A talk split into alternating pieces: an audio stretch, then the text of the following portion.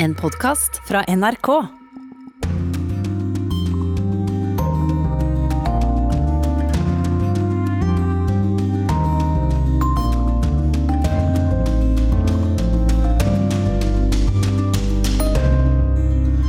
I Israel er en gransking satt i gang etter at 45 døde under en religiøs feiring.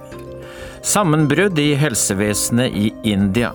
Frivillige forsøker å hjelpe dem som ikke har et sykehus å gå til. De som er i hjemmekarantene og som ikke kan forlate huset, får oksygenflasken levert på døra. Kypros blir fortsatt en todelt øy etter vanskelige FN-forhandlinger denne uka. El Diablo handler om et destruktivt forhold.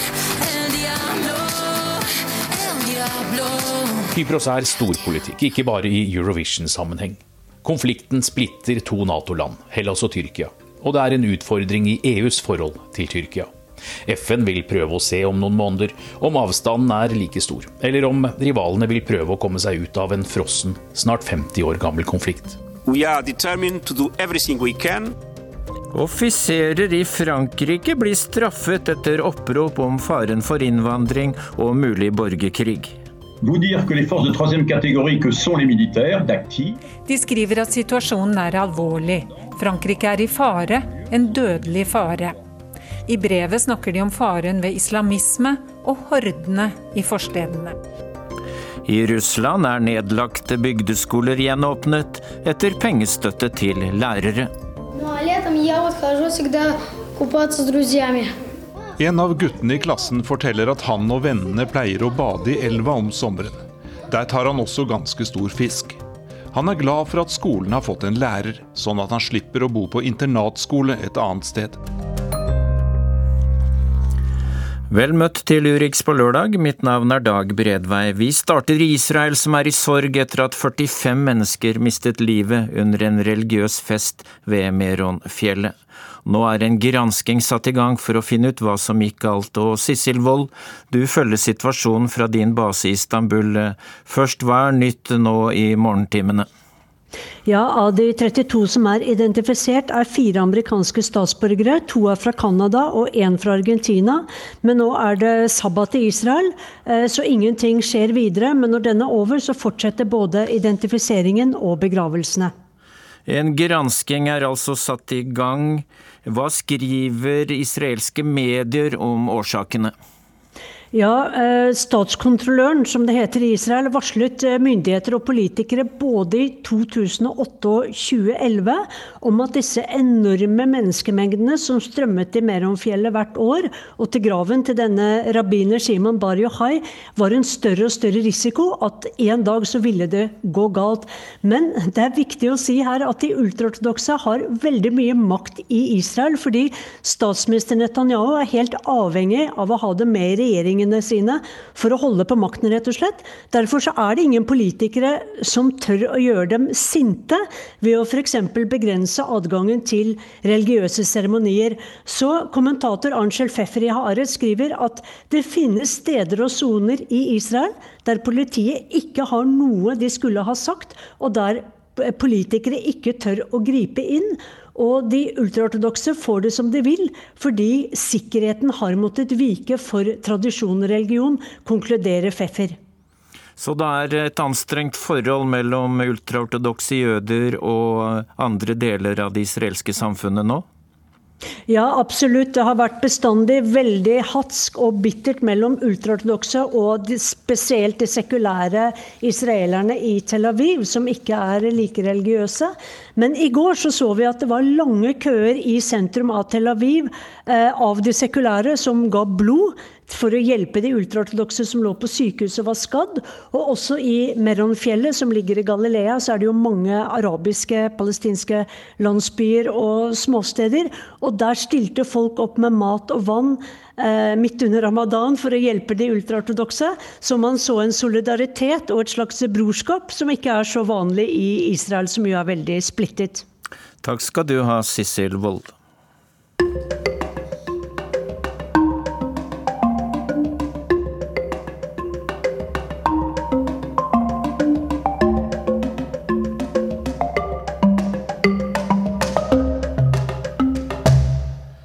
India setter stadig nye dystre rekorder. Siste døgn har landet registrert over 400 000 nye smittetilfeller.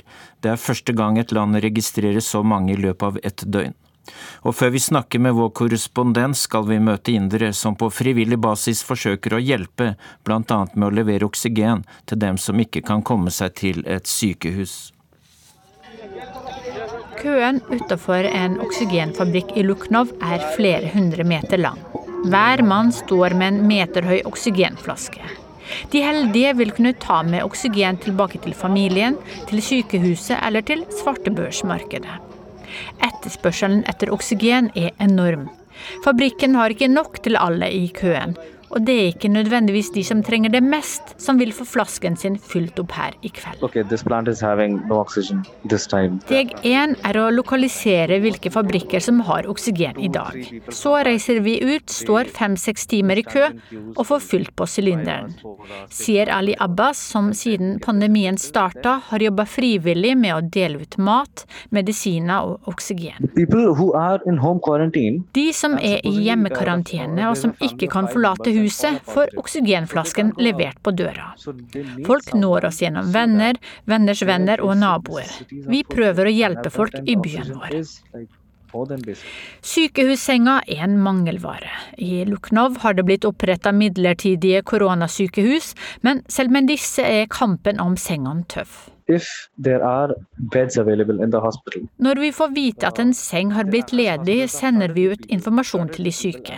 Hvis pasienten kommer utenbys fra, kan vi dra til sykehuset og holde på sengen mens pasienten blir fraktet bort. Men de må skynde seg. Etter en halvtime blir sengen tatt av andre trengende, sier Abbas. Alvorlig syke koronapasienter har fylt opp landets sykehus. People not getting beds. People det fins ikke ledige senger. En av mine venner døde for to dager siden. Han fikk slag, og jeg kjørte ham til tre forskjellige sykehus. Ingen hadde plass til ham, så han døde. Det er hjerteskjærende å avvise folk, men når det ikke finnes plasser, er det ikke annet å gjøre. Da er det ille at pårørende angriper sykepleierne, vi må få beskyttelse av politiet. Det sier Asha Bhakti, lege ved et privatsykehus i Delhi. Indias helsevesen er like klassedelt som resten av samfunnet. De offentlige sykehusene har alltid vært overfylt og underfinansiert. De rike har kunnet betale seg til behandling av verdens beste leger på de beste sykehus. Nå er kapasiteten sprengt, også på de dyreste sykehusene. We don't have bed to treat the patients. That's the biggest problem we are facing these days. Vi har ikke senger å tilby til pasientene, sier sjefen på akuttmottaket på overklassesykehuset Fortis i Delhi, dr. Shailander. Oxygen, vi kan ha nok medisiner, vi kan ha nok oksygen, men så lenge vi ikke kan tilby en sykehusseng til folk, er det til ingen nytte. Folk drar fra sykehus til sykehus på leting etter senger. Tiden de bruker, kan være den siste tiden de har igjen, sier Shailander. Og det sa reporter Sofia Paskiewicz. India har stengt grensene pga. smittebølgen, derfor slipper ikke journalister heller inn i landet. Men du følger dramatikken fra Beirut, Yama Wolasmal, og du har gode kontakter i India. Og hva er det siste du har fanget opp nå i morgentimene? Det går dessverre fra vondt til verre i India. Du har vært inne på denne siste dystre rekorden som er satt. Over 400 000 smittede i går. 3500 døde. og Det verste med disse offisielle tallene er at de ikke er i nærheten av å illustrere virkeligheten på bakken. Jeg snakket med en frivillig organisasjon som driver en av de største krematoriene i New Delhi-området. Lederen der fortalte meg at 90% av de døde som brennes hos dem, er folk de har hentet hjemme hos folk. Det betyr at de ikke er registrert i den offisielle statistikken. Og Det samme gjelder smittetallene. Testkapasiteten i India har kollapset. Sykehusene er så fulle av mennesker at de ikke kan prioritere testing. India har til nå testet rundt 300 millioner mennesker. Det betyr at det trolig er enormt med smitte blant de resterende 1000 millionene som bor i landet. Kan du forklare oss dette paradokset India eksporterer vaksiner og annet medisinsk utstyr til omverdenen, samtidig som landet er på knærne i å bekjempe pandemien? Ja, det er det som er uh, det rare her. India startet som en glanshistorie i kampen mot uh, viruset. I januar erklærte myndighetene mer eller mindre seier uh, mot covid etter at de hadde overlevd den første bølgen. De satte verdensrekord i antall vaksiner som det første landet som satte 100 millioner doser raskest. India blir faktisk kalt verdens apotek. De produserer egne vaksiner, de er den største produsenten av AstraZeneca. Eh, og Likevel så sliter de selv nå. Folk er forbannet og lurer på hvorfor landets vaksinebehov ikke er dekket. Eh, I tillegg så er det ting som skjer i India som er helt uforklarlig. Før fikk man tak i en ambulanse for 100 kroner. Nå koster en ambulanse 2500 kroner. Det er en enorm sum for vanlige indere. Oksygensylindere gikk for 60-70 kroner. Nå koster de 2500 kroner på svartebørsen. Det samme gjelder for covid-medisinen Remdesivir. Den kostet 150 kroner før krisen. Nå selges den for opp mot 7000 kroner. Det er disse tingene som har ført til et enormt raseri. og Myndighetene sier at eh, vi gjør det vi kan, men det har vært umulig for oss å forutse denne andre bølgen. At denne nye mutasjonen skulle vise seg å være så farlig. Tusen takk skal du ha, Yama Wolasmal fra Beirut.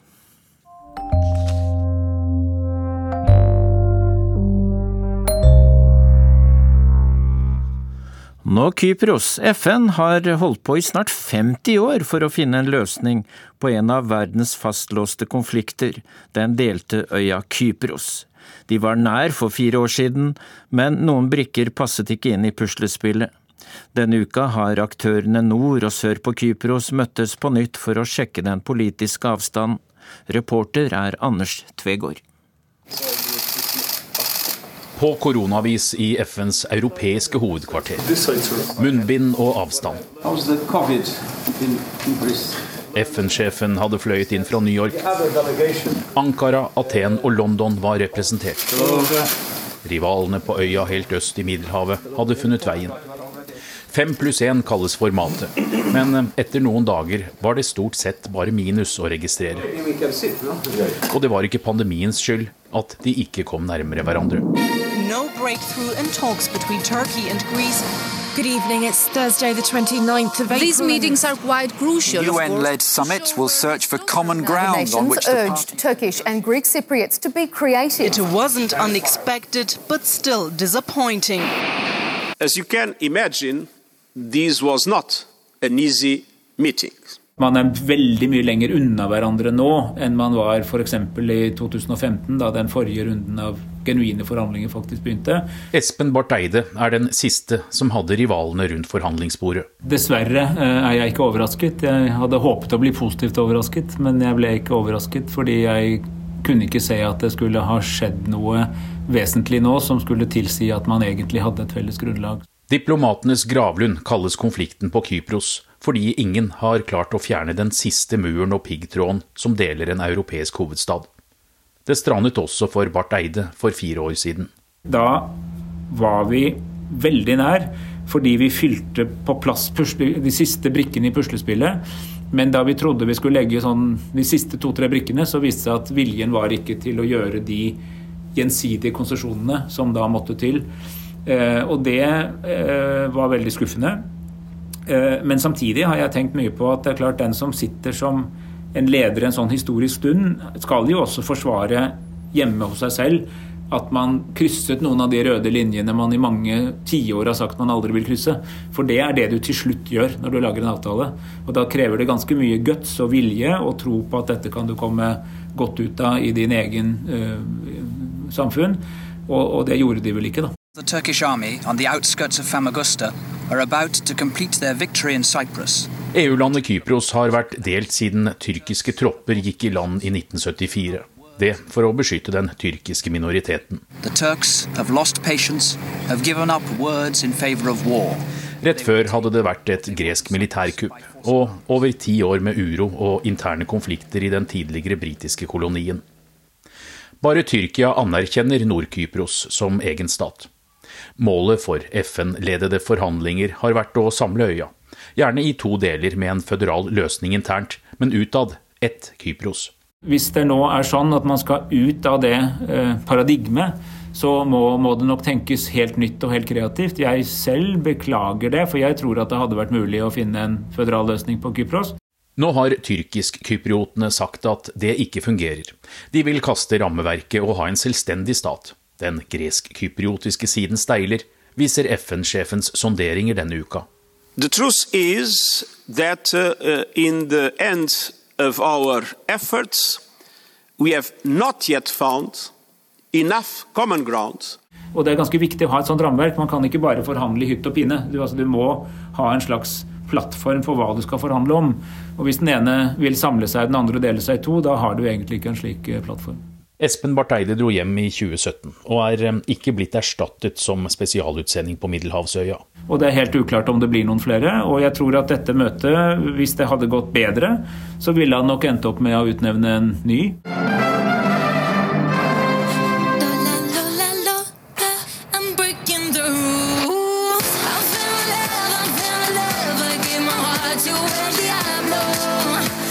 El Diablo, Djevelen, er eh, Kypros bidrag til årets Eurovision. Flere, som den ortodokse kirken, reagerer kraftig på teksten. Men eh, sangeren sier det er en misforståelse. El Diablo handler om et destruktivt forhold. Kypros er storpolitikk, ikke bare i Eurovision-sammenheng. Konflikten splitter to Nato-land, Hellas og Tyrkia. Og det er en utfordring i EUs forhold til Tyrkia. FN vil prøve å se om noen måneder om avstanden er like stor, eller om rivalene vil prøve å komme seg ut av en frossen, snart 50 år gammel konflikt. Nå til grendeskoler i Russland. Den russiske staten har satt i gang et eget program for å friste unge lærere til å arbeide i utkantstrøk. De som binder seg til å være fem år på et lite sted, får én million rubler i bonus. Det er om lag 150 000 norske kroner. Korrespondent Jan Espen Kruse har vært i Sibir og møtt en lærer som lot seg friste. Det er eh, allerede nærmere tre timer siden vi forlot det siste tettstedet på denne veien her. Det er ganske rufsete. Er, vi er langt ute i Øst-Sibir. Og det er eh, ikke noe internett og ikke noe mobiltelefonsignal her ute. Det er som å bli satt ganske langt tilbake i tid. Men eh, vi gjør dette for å møte en helt spesiell russisk lærer.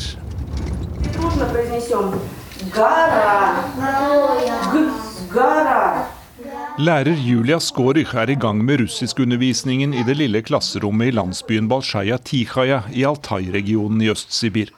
Hun har fem elever fra første til fjerde klasse. Skårich begynte jobben i august i fjor, og sier at hun liker seg godt.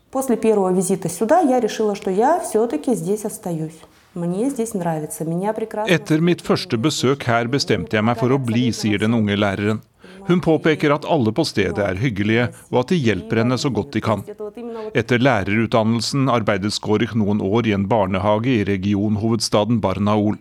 Men da staten fristet med én million rubler til lærere som vil arbeide i utkantstrøk, da lot hun seg friste.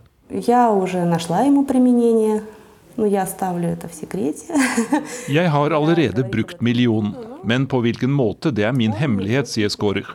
Hun understreker at hun hadde veldig god bruk for pengene, og at de ga henne en god start. Etter norske forhold er kanskje ikke 150 000 kroner så mye, men russiske lærere tjener bare 4000-5000 kroner i måneden og da blir én million rubler ganske viktige.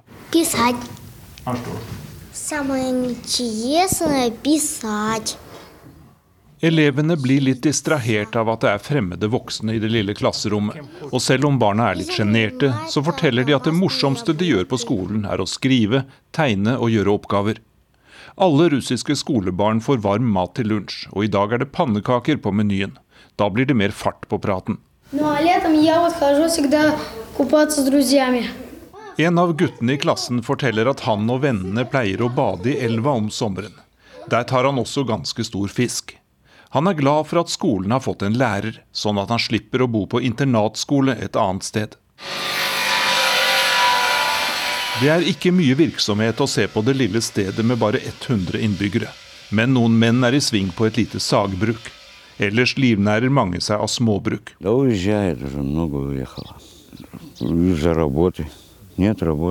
mange har reist herfra fordi det er vanskelig å finne arbeid. Men det at skolen har kommet i gang igjen, det er et lyspunkt, sier denne mannen. I klasserommet forbereder lærer Julia Skåruch seg til neste skoledag. Hun setter pris på at hun kan bruke mye tid på hver enkelt elev.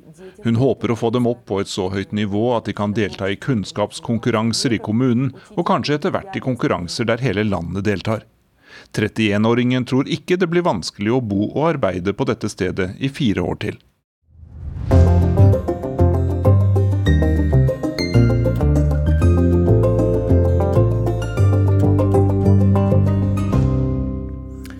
Klokken er straks 11.24. Dette er Urix på lørdag. I Frankrike kommer flere offiserer og soldater til å bli straffet for å ha skrevet under et opprop. De militære har i sterke ordelag advart om at landet er i fare pga. innvandring. Denne uka har de stilt opp i nyhetssendinger for å forklare hvorfor de har underskrevet oppropet. De vil slå alarm.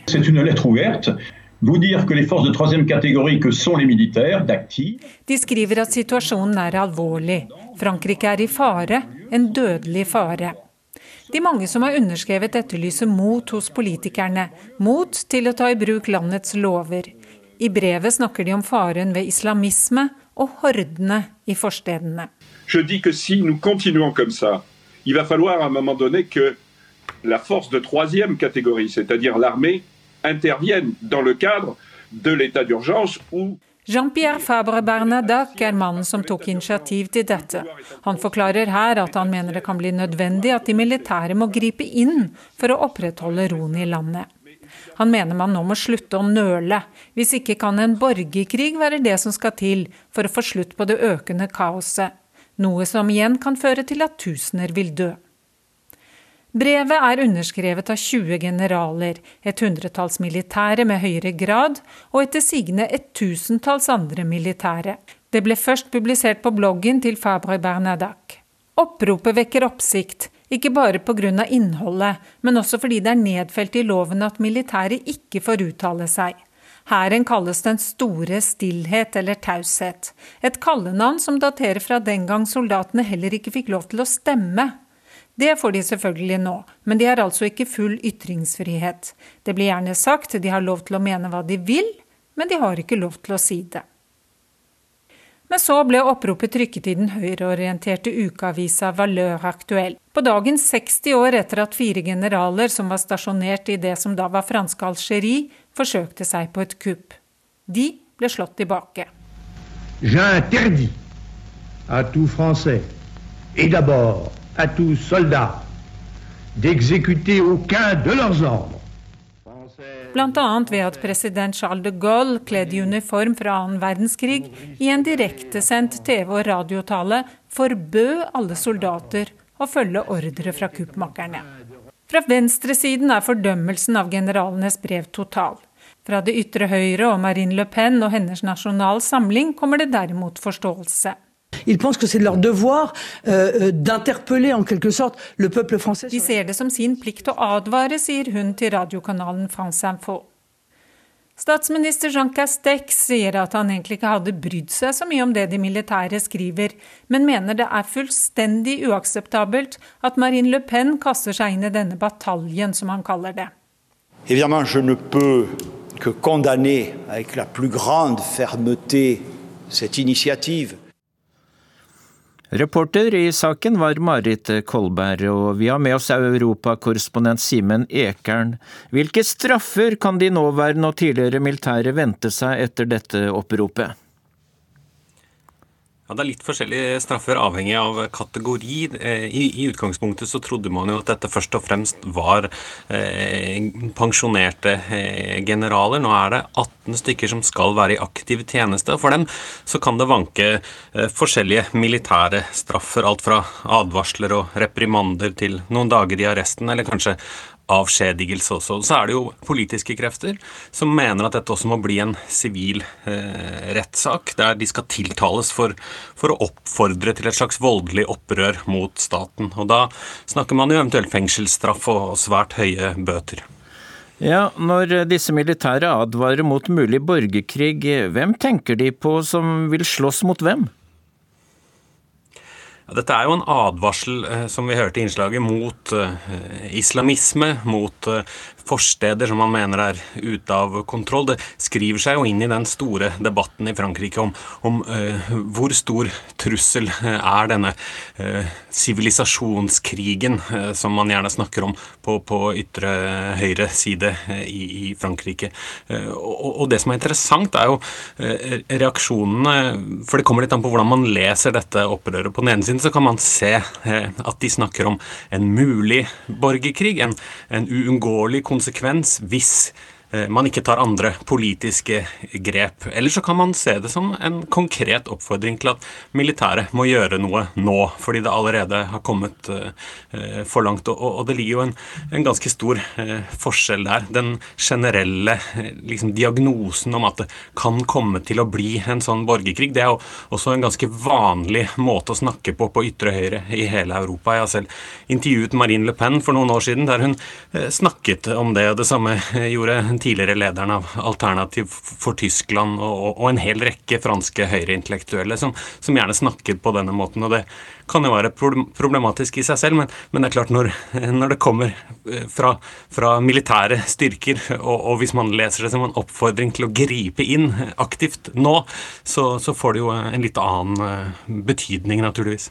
Ja, Du nevnte Marine Le Pen som støtter de militære her, og det ser ut til å provosere regjeringen mer enn selve oppropet. og Hvordan tolker du det? Ja, dette eh, er jo dels eh, en, en reell bekymring eh, for at en politiker sier at det skal være mulig for, for, de militære styrkene å gripe inn mot staten selv. Dels så er jo dette starten på en valgkamp som, som kulminerer i, i, i mai til, til, neste år med, med valget i, i Frankrike. Og, og, for regjeringen, også for venstresiden, så, så er jo dette en anledning til å vise velgerne at det ikke stemmer det som Marine Le Pen lenge har sagt, at hun har gjort partiet sitt mer eh, mainstream, mer akseptabelt. At hun har rensket ut en del av det som faren hennes, eh, Jean-Marie Le Pen, eh, sto for. Nå mm, går hun på en måte i den retningen, og det, og det gjør at man, man må advare sånn som man gjør. Takk skal du ha, Simen Ekern. Det er tid for å åpne ukens korrespondentbrev. Det er postlagt av Veronica Westrin i USA. Du vet den svette osten som har ligget litt for lenge oppå en begynnende smuldrende og tørr brødskive? Den virker kanskje ikke så forloppende, men i dag vil jeg slå et slag for den. Siden vi ble født, har den vært med oss på skolen, på tur og for mange også videre på jobb. Det er noe søtt over hvordan vi nordmenn drasser med oss den matpakka overalt. Den har tidvis fått mye kritikk, og jeg skal være den første til å innrømme at jeg har vært en av kritikerne. Jeg har bodd i Barcelona, gått på språkkurs på Cuba og danset meg gjennom Sør-Amerika. Jeg omfavnet kulturer der mat og rytme har hatt en helt annen plass i folks hverdag enn hjemme i Norge. Nå bor jeg i USA. Vi er på vår første biltur som familie etter at vi flyttet hit. Et av barna må tisse. Og vi er sultne! ropes det fra bak i bilen. Vi ser på skiltene langs veien. McDonald's, Taco Bell, Burger King, Subway, KFC. Alternativene er mange. Men tilbudet er ensartet. Det går i burgere, tacos, nuggets, pommes frites og is. Vi kjører litt til. Kanskje vi finner noe annet, tenker jeg, og begynner å google restauranter langs veien. Barna maser. 'Jeg tisser snart på meg', kommer det fra baksetet. Alt vi ser langs veien, er usunne alternativer. Jeg blir stresset. Sulten er jeg også. Jeg blir i dårlig humør når jeg ikke får mat. Da hjelper det ikke med to masekråker i baksetet. Nå må vi stoppe! roper de. Ja vel, tenker jeg, og beordrer stopp. Vi ender med å svinge av på McDonald's. Vill jubel fra baksetet. Det er lekeland der. Barna blir fornøyde, de får tisset, og magene blir fulle. Mor litt mindre fornøyd. Jeg liker ikke å stappe i meg burgere. Jeg er oppdratt av en ernæringsekspert, og sikkert litt miljøskadet. Og etter hvert som månedene går, har en snikende følelse ført til en ny åpenbaring. Jeg savner den norske matpakka. Jeg synes den har fått ufortjent mye kritikk. Do you have some snack? Spørsmålet kommer fra en liten jente på tre år som er på besøk hos oss en av de første ukene etter at vi flyttet hit. Snack, tenker jeg, og begynner febrilsk å lete gjennom skapene. Hva vil hun ha? Hva kan jeg tilby? Hva i alle dager er egentlig snack? Jeg fant noen Vasa knekkebrød, og hun virket fornøyd med det. Jeg pustet lettet ut. Og i løpet av tiden her i USA har jeg lært, akkurat som vi nordmenn har vår matpakke, har amerikanerne sin snacktime. På skolen ber de oss ta med snack. På turene med venner har alle med seg snack. Også på fotballbanen har snack-kulturen sneket seg inn. Da vi før vår første fotballkamp med to norske trenere snakket om opplegget for kampen, dukket raskt spørsmålet fra noen amerikanske fotballforeldre opp. Hvem tar med snacks? Det må vi ha, forklarte de amerikanske foreldrene til de to norske fotballtrenerne. Og sånn har det blitt. Etter fotballkampen får alle barna alt fra energidrikken Gatorade og Oreo-kjeks til eh, cupcakes eller god gammeldags frukt. Det er jo en litt hyggelig tradisjon, da, skal jeg innrømme. Vi føler vi har gjort en god jobb med å integrere oss her. Men matkulturen er vanskelig å ta helt til seg. Det er ikke bare langs landeveien i USA at den desperate jakten etter sunne alternativer pågår. Har du f.eks. noen gang gått på jakt etter brød uten tilsatt sukker i en helt ordinær amerikansk dagligvarebutikk? Vel, hvis ikke skal jeg avsløre én ting. Det er ikke lett å finne. Etter hvert som tiden eh, har gått, har vi lært oss hvor vi får tak i mer vanlig brød. Det eksisterer nemlig, men det koster, og det krever sin research å finne dem. Resultatet her har blitt at vi baker brødene våre selv. Ekte norsk grovbrød. Jeg vet faktisk ikke hvordan jeg skulle overlevd uten. Min brødbakende mann har blitt familiens store helt. Men også å finne alle ingrediensene vi trenger til brødet, har vært en finurlig prosess. Det er ikke lett å få tak i alle de grove kornsortene vi ønsker å fylle brødet vårt med. Grovt sammalt hvete f.eks. er noe som ikke finnes i utvalget på vår lo lokale dagligvarebutikk. At USA sliter med et fedmeproblem har lenge vært kjent. Og ifølge forskning.no ser utviklingen ikke ut til å ha stoppet de siste årene. Antallet mennesker med overvekt og fedme har økt betydelig siden 1980, og USA er et av landene der kurvene har steget brattest, skriver de. På den offentlige skolen til barna mine kan man velge å betale en viss sum i måneden for å få servert skolemat. Barna forteller at de får alt fra burger og pizza, pannekaker og chips. Jeg har hørt andre foreldre fortvile over utvalget, og de lar seg fascinere av vår norske matpakke av de grove brødskivene med frukt ved siden av. Foreldrene til en av venninnene til barna lurte litt spøkefullt på om ikke mannen min ville begynne å lage skolelunsj for deres unger òg. Med litt kjapp hoderegning fant vi ut at det antageligvis ville blitt langt dyrere for dem enn å betale for skolelunsjen de kjøper der. Det koster mye for alle de sunne ingrediensene som skal brukes i vårt norske hjemmelagde gråbrød. Men du skal ikke se bort ifra at det fort kunne vært en lukrativ business her i Washington DC med norsk, sunn, hjemmelaget mat. Jeg tror imidlertid ikke mannen min er sånn superinteressert i å starte en ny karriere som brødbaker i en alder av snart 40 år. Han har allerede nok med produksjonen til vår lille familie på fire. Samtidig vil jeg understreke at det ikke er helt svart-hvitt. Det er ikke sånn at det er umulig å velge sunt i USA. Og her i storbyene er vi privilegerte. Mange steder popper det opp nye og sunne alternativer. Her i DC er jeg heldig å kunne velge i et stort utvalg salater hos salatkjeden Sweet Green, som har blitt eh, et populært lunsjsted i flere av de største byene i USA. I California har utviklingen av plantebaserte alternativer til kjøtt kommet eh, langt. Men mens jeg betaler rundt 100 kroner for en salat på Sweet Green, betaler jeg halvparten for et måltid på McDonald's. Prisen på en Big Mac er i skrivende stund nemlig ca. 50 kroner her, ifølge Big Mac-indeksen til The Economist. Det sier seg selv at om du lever på en minstelønn, så er valget enkelt når du har en familie å brødfø. Og den føderale minstelønnen her i USA er fortsatt på 7,25 amerikanske dollar, altså under 70 kroner timen. For meg har den norske matpakka nærmest blitt et nytt eksotisk fenomen. Noe amerikanerne ser til oss for. I hvert fall gjør mine venner det. Plutselig har vi, nordmenn, noe å lære verden om norsk matkultur. Nemlig grove kornprodukter og stort innslag av frukt og grønt. Hvem hadde trodd det? Og jeg har lært. Matpakka er nå med meg overalt når jeg skal på en lengre tur ut av byen i Amerika. Og vi holder oss i Amerika, fordi ukas episode av Krig og fred skal vi til grensen mellom USA og Mexico. Det er der en av de største utfordringene for president Joe Biden ligger. Flere hundre tusen migranter fra Mellom-Amerika har forsøkt å søke asyl i USA bare de siste tre månedene. Oskar flykta fra Honduras midt på natta med den gravide kona si og to små sønner. En kriminell gjeng hadde truet ham, og bygningsarbeideren hadde ikke råd til å betale pengene de krevde for å beskytte ham. Nå øyner hundretusener som Oskar nytt håp om et liv i USA med Joe Biden som president. Men Biden kan vel ikke slippe inn alle sammen, selv om han vil avskaffe Trumps innvandringspolitikk. Hva kan USA gjøre for å stanse folk fra å legge ut på en livsfarlig flukt gjennom Mellom-Amerika? Og hva gjør myndighetene i Honduras egentlig, der selv presidenten er beskyldt for kokainsmugling? Du hører på Krig og fred med Tore Moland og Tove Bjørgaas. Bueno, mi, mi nombre es Oscar Edgardo Chapas Zúñiga, eh, originario de, de Honduras. Eh, tengo 32 años.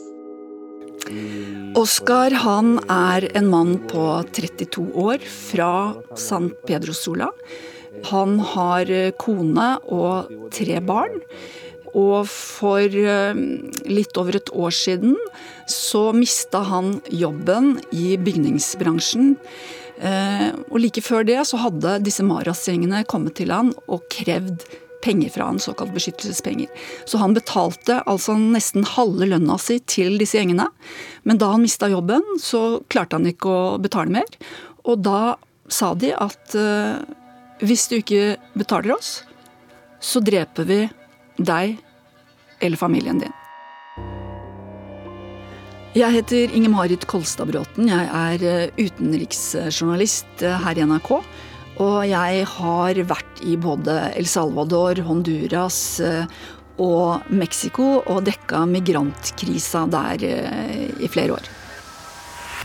Denne uka så har du snakket med Oscar Chapas, eh, som kommer fra Honduras.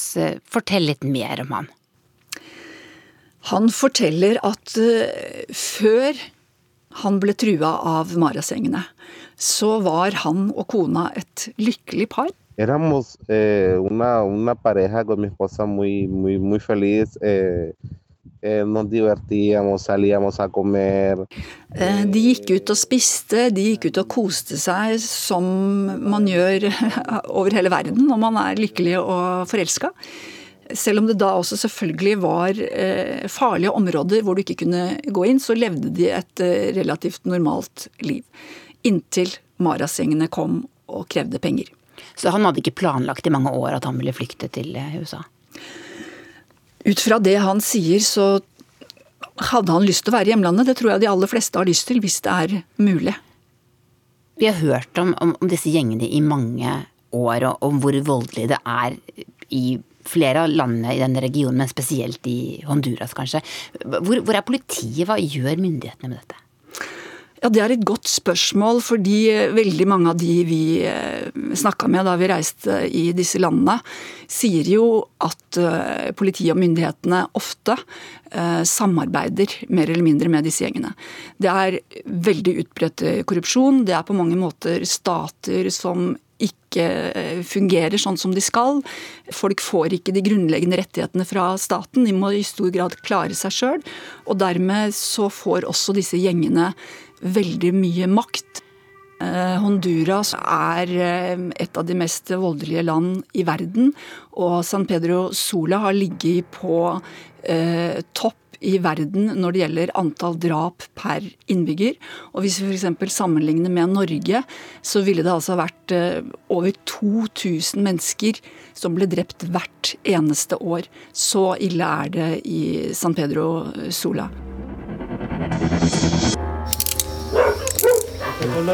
Sola.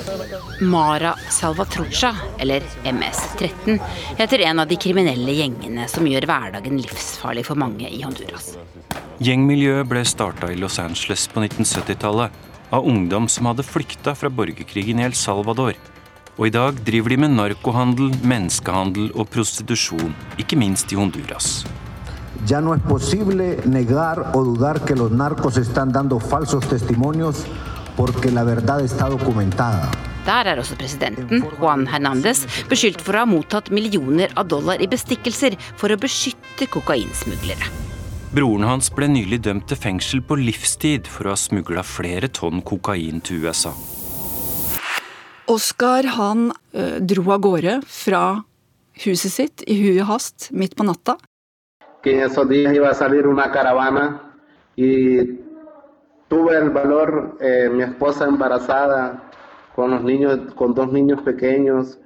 og ble med i en av disse første migrantkaravanene, altså hvor flere migranter slår seg sammen for å reise mot nord, mot USA, i håp om et bedre liv. Fortell om disse karavanene. Hvordan, hvordan er dette organisert? Hva, hva er en karavane?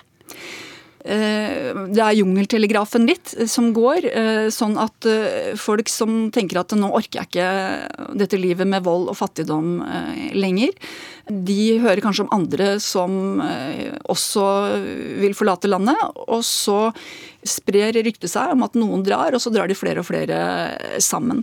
Og dette oppstod jo for et par år siden, for før det så var jo migranter veldig, veldig utsatt på denne reisa mot USA. Det ble kalt verdens farligste reise. Veldig mange ble kidnappa av narkokartellene i Mexico. De ble utsatt for utpressing, og det var rett og slett en veldig farlig reise. Og veldig mange av kvinnene ble voldtatt. Hvis vi ser på kartet, hvor går reiseruta til Oscar og familien fra Honduras? De må da krysse Guatemala eh, før de kommer inn i Mexico.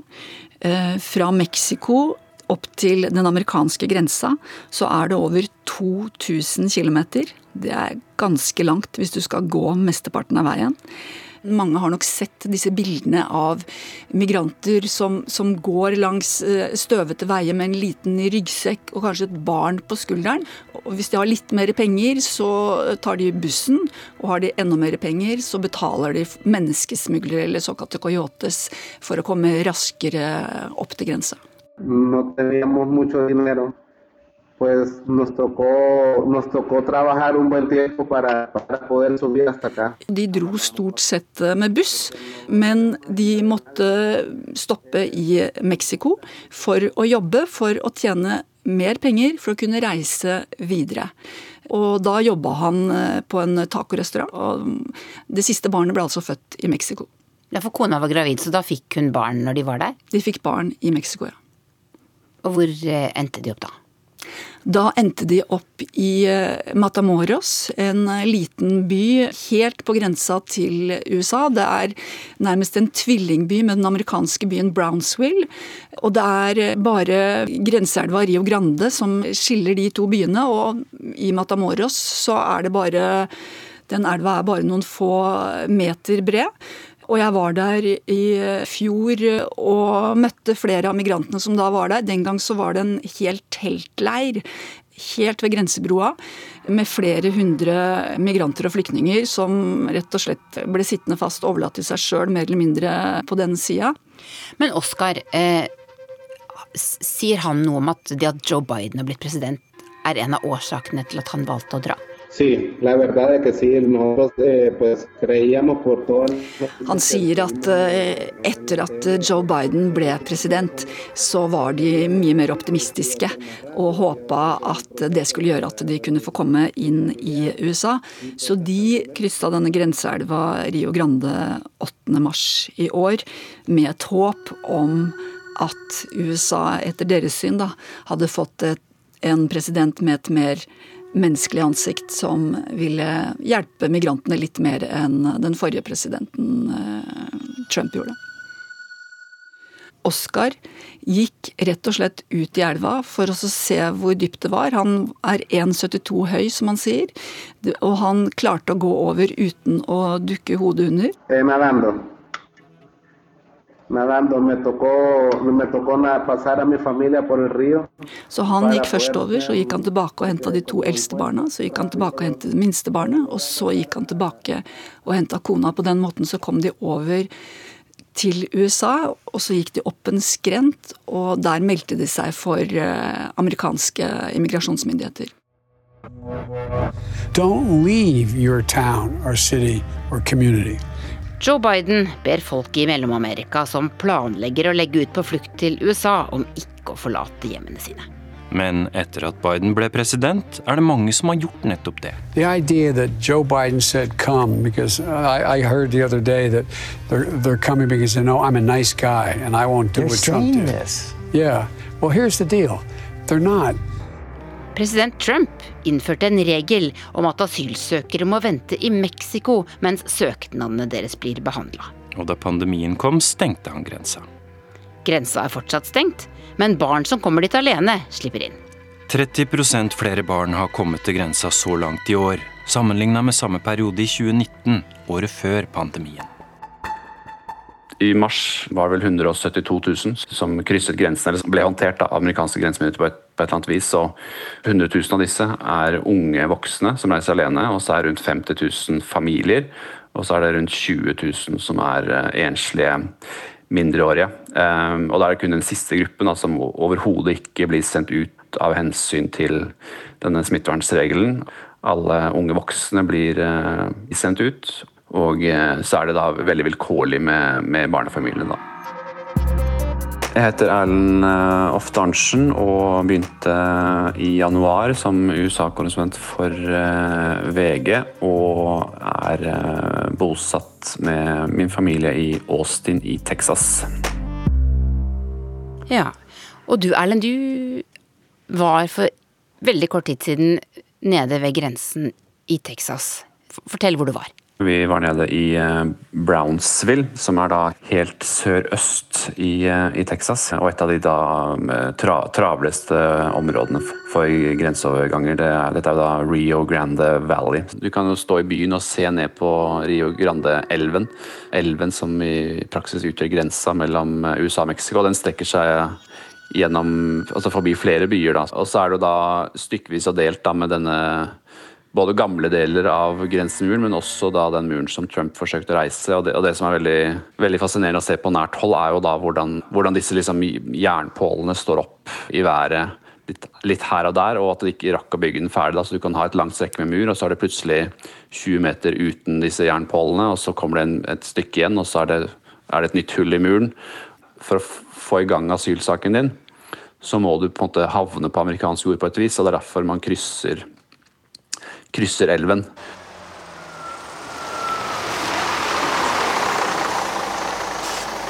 Det var en, en busstasjon, en helt vanlig busstasjon i, i Brownsville, hvor busselsk, amerikanske busselskaper kjører nordover i USA. og Der eh, kommer det inn de sa mellom 150 og 250 eh, personer hver dag. og Dette er da bare barnefamilier. Det er familier eh, med enten da alenemødre eller, eller fedre, og, og barn som da gjerne er, eh, er under seks år. Er de eldre enn det, så blir familiene som regel eh, utvist med, av, under en sånn regel som heter Title 42, som er en sånn smittevernsregel som Trump innførte, men som, som Biden da også håndhever for de aller fleste, med unntak av barn som krysser grensen alene. Men er du en familie så blir det litt mer komplisert, og, og det vi så, at det, da blir det veldig, veldig tilfeldig eh, hvem som får bli og hvem som ikke får bli. Og Det handler rett om kapasiteten på den meksikanske siden.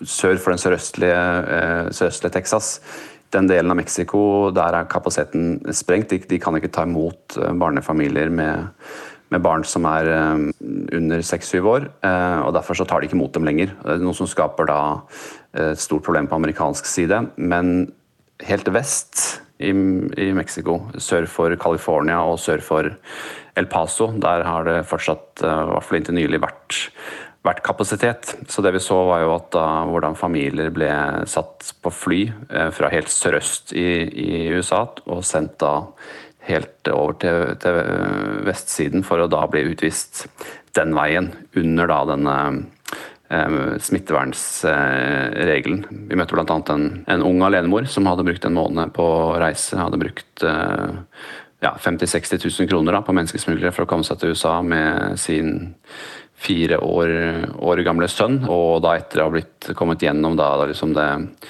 den rutinemessige håndteringen fra amerikanske grensemyndigheter, så ble hun satt på en buss til flyplassen i, i Brownsville, og flyet fylte seg sakte opp. Eh, og det ble akkurat fylt opp før det ble hennes, hennes tur, og hun ble da stedet satt på en busstasjon i Brownsville og var fri til å reise videre i USA og få behandlet sin asylsak. Mens de som ble satt på flyet og sendt da til f.eks. San Diego for å bli utvist til Mexico den veien. Det er som om de aldri har vært i USA. De vil ikke da få sin asylsak eh, behandlet. Oi, så denne dama hun ble altså Det var liksom ren flaks hun slapp å bli deportert? Ja, hun har 60 dager eh, på, på å møte opp for en domstol i en eller annen forstand. Og så kan man jo da stille seg spørsmålet Si. Jeg syns det er krevende bare med de papirene jeg må håndtere, med all, alle mine privilegier og, og, og, ressurser. Men hennes plan var å komme i kontakt med, med en advokat og få kjøre saken sin gjennom systemet.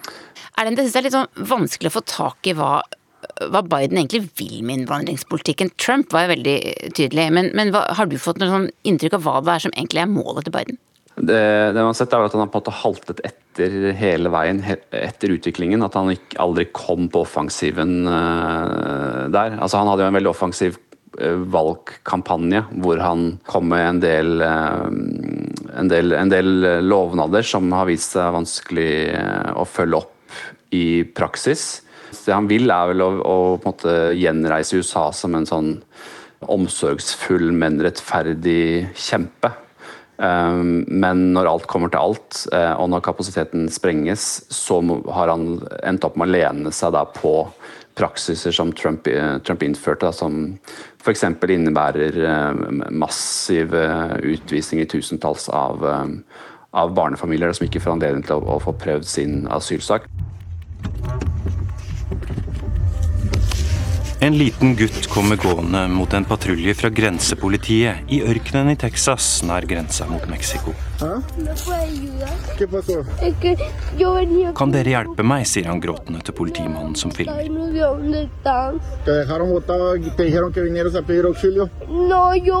Gutten forteller at han er ti år, og at de han var sammen med, bare forsvant. Jeg ble satt igjen her for å overgi meg til dere, sier gutten før han bryter helt sammen. Historien til ti år gamle Wilton fra Nicaragua har gått verden rundt etter at videoen til grensevaktene ble delt.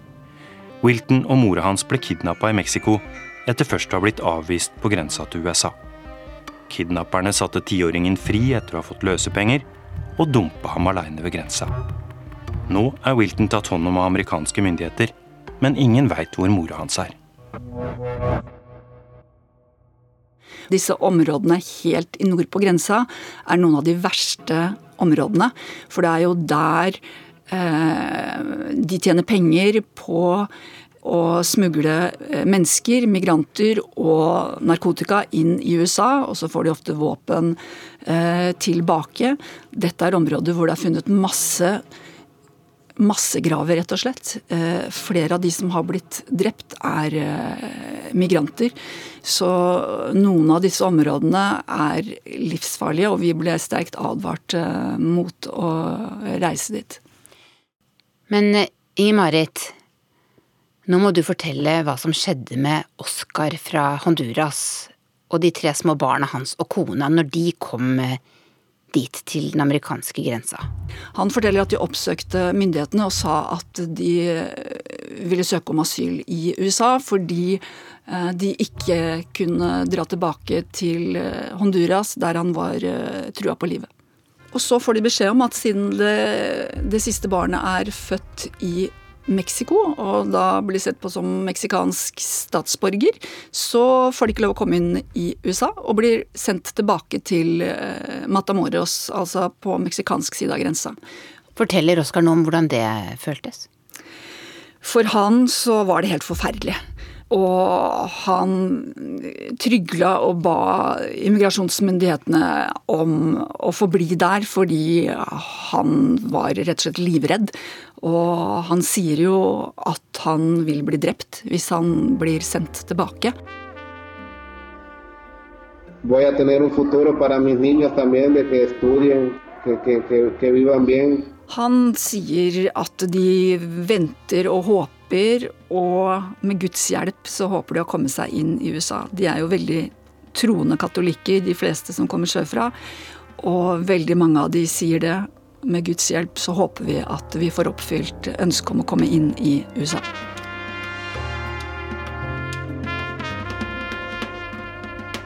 Du har hørt Krig og fred, en podkast fra NRK Urix. Podkasten lages av Tove Bjørgaas, meg, Tore Moland, og lydregien var ved Merete Antonsen. Redaktøren vår er Sigurd Falkenberg Mikkelsen.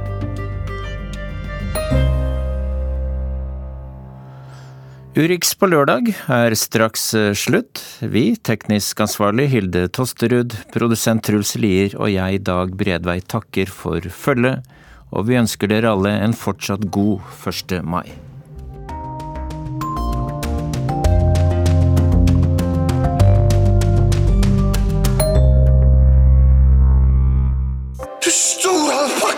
Før så samla vi oss for å høre på radioen.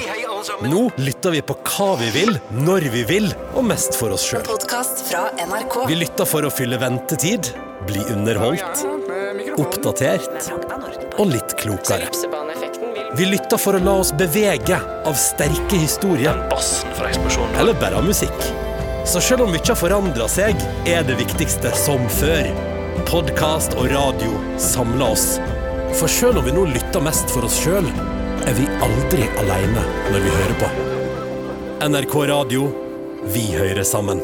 Hør podkaster og din NRK-kanal i appen NRK Radio.